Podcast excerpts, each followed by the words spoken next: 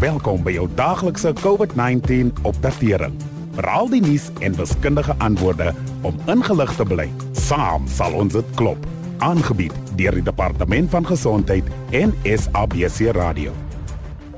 In die maand van Julie het Suid-Afrika meer as 340 000 nuwe COVID-19 infeksies aangeteken en byna 5.500 COVID-verwante sterftes. Die land het nou verby 'n half miljoen infeksies beweeg en ons is reeds meer as 4 maande lank in 'n staat van inperking. In die tyd is miljoene Suid-Afrikaanse leerders se opvoeding ontwrig. Gister is die hersiene skoolkalender vir 2020 bekend gemaak. Die heropening van skole sal weer volgens 'n metode van infasering plaasvind. Graad 12 leerders het vandag teruggekeer skool toe en die in graad 7 gaan op die 11de Augustus terug. Die meeste ander grade begin weer met skool op die 24ste Augustus, behalwe vir graad 5 en 8 vir wie die datum 31 Augustus is. Daar is ook 'n paar uitsonderings vir skole met leerders met spesiale behoeftes. Die skooljaar sal nou op 15 Desember eindig. Daar sal 'n kort 1 week lange vakansie wees van 26 tot 30 Oktober om die twee oorblywende kwartaale van mekaar te skei. Al hierdie nuwe datums is beskikbaar op die Sikaba COVID-19 Facebook bladsy. Gaan dit asseblief sorgvuldig na aan die einde van hierdie insetsel. Die rotines wat met skool gaan verband hou, is belangrike maniere vir jong leerders om uitdagings te hanteer. Studies het bewys dat die sluiting van skole en onsekerhede angs by kinders veroorsaak wat spanning en depressie tot gevolg kan hê. Vandag gesels ons met ons gas oor die sielkundige impak wat die sluiting van skole op ouers, onderwysers en kinders het en hoe ons as volwassenes kan help om hierdie angs by ons jong leerders te verminder.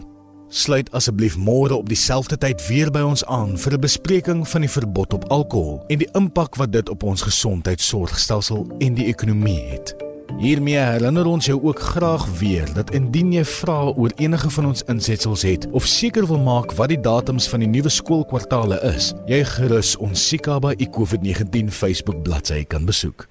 Ons gesels vanaand met David de Kok. Hy is 'n vrywillige beraader by die Masitete Beradersdiens in Oos-London. David, ouers, onderwysers en kinders is angstig oor COVID-19, grootliks oor die onsekerheid wat dit veroorsaak. Het jy enige raad vir ons oor hoe om hierdie gevoelens te hanteer? Dit is absoluut normaal om bekommerd en angstig te voel. Ons lewens is op ys geplaas en ons roetines het verander. Herinner jouself en almal rondom jou eerstens dat dit nie verkeerd is om angstig te voel nie. Maar kom ons hou ook die volgende positiewe feite in gedagte. Die meeste mense wat die virus opdoen, het ligte tot matige simptome en herstel tuis sonder spesiale behandeling. Dit lyk asof skoolgaande kinders die siekte goed hanteer. Die departement van onderwys tref alle moontlike voorsorgmaatreëls om almal by skole veilig te hou. En die nasionale skoolvoedingsprogram gaan voort en kinders kan steeds 'n maaltyd by die skool kry. En jy hoef nie jou kinders skool toe te stuur as jy oor hulle gesondheid bekommerd is nie. Kinders steek soms hulle vrees weg of kan nie oor hulle gevoelens praat nie. Waarna moet ons oplet?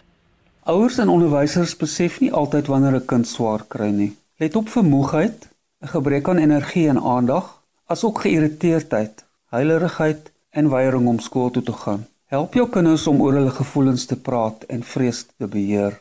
Moenie van die virus 'n onbekende monster maak nie. Jou werk is om hulle te wys dat die spook in die donker eintlik net 'n skaduwee is. Deur te verduidelik wat die virus is en hoe ons onsself daarteen beskerm, raak ons van onsekerhede ontslae. Kinders volg dikwels die leiding van hulle onderwysers oor hoe om 'n situasie te beskou en te benader.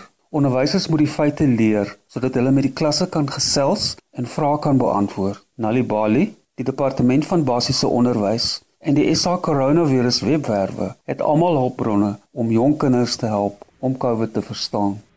As volwassenes probeer ons sterk lyk vir ons kinders, maar wat kan ons omtrent ons eie vrese doen? Eerstens help dit altyd om met iemand te praat en jou angs te deel. As jy 30 sekondes het, haal dan 'n paar keer diep asem of neem 'n paar slukkies koue water. Terwyl jy sluk, fokus op die koel cool gevoel. As jy 3 minute het, maak 'n koppie warm tee Dink aan elke stap terwyl jy die tee maak en drink dit net stadig. En as jy meer tyd het, loop 'n draai of gaan lê vir 'n rukkie. Dinge lyk dikwels daarna beter. As ons openhartig oor ons eie gevoelens is, skep ons 'n veilige omgewing vir kinders om hulle gevoelens te deel. So openbare skole, hulle is gesluit, privaat skole, die is oop. Wat is die opsies vir ouers wat verkies dat hulle kinders nie moet terug aan skool toe nie?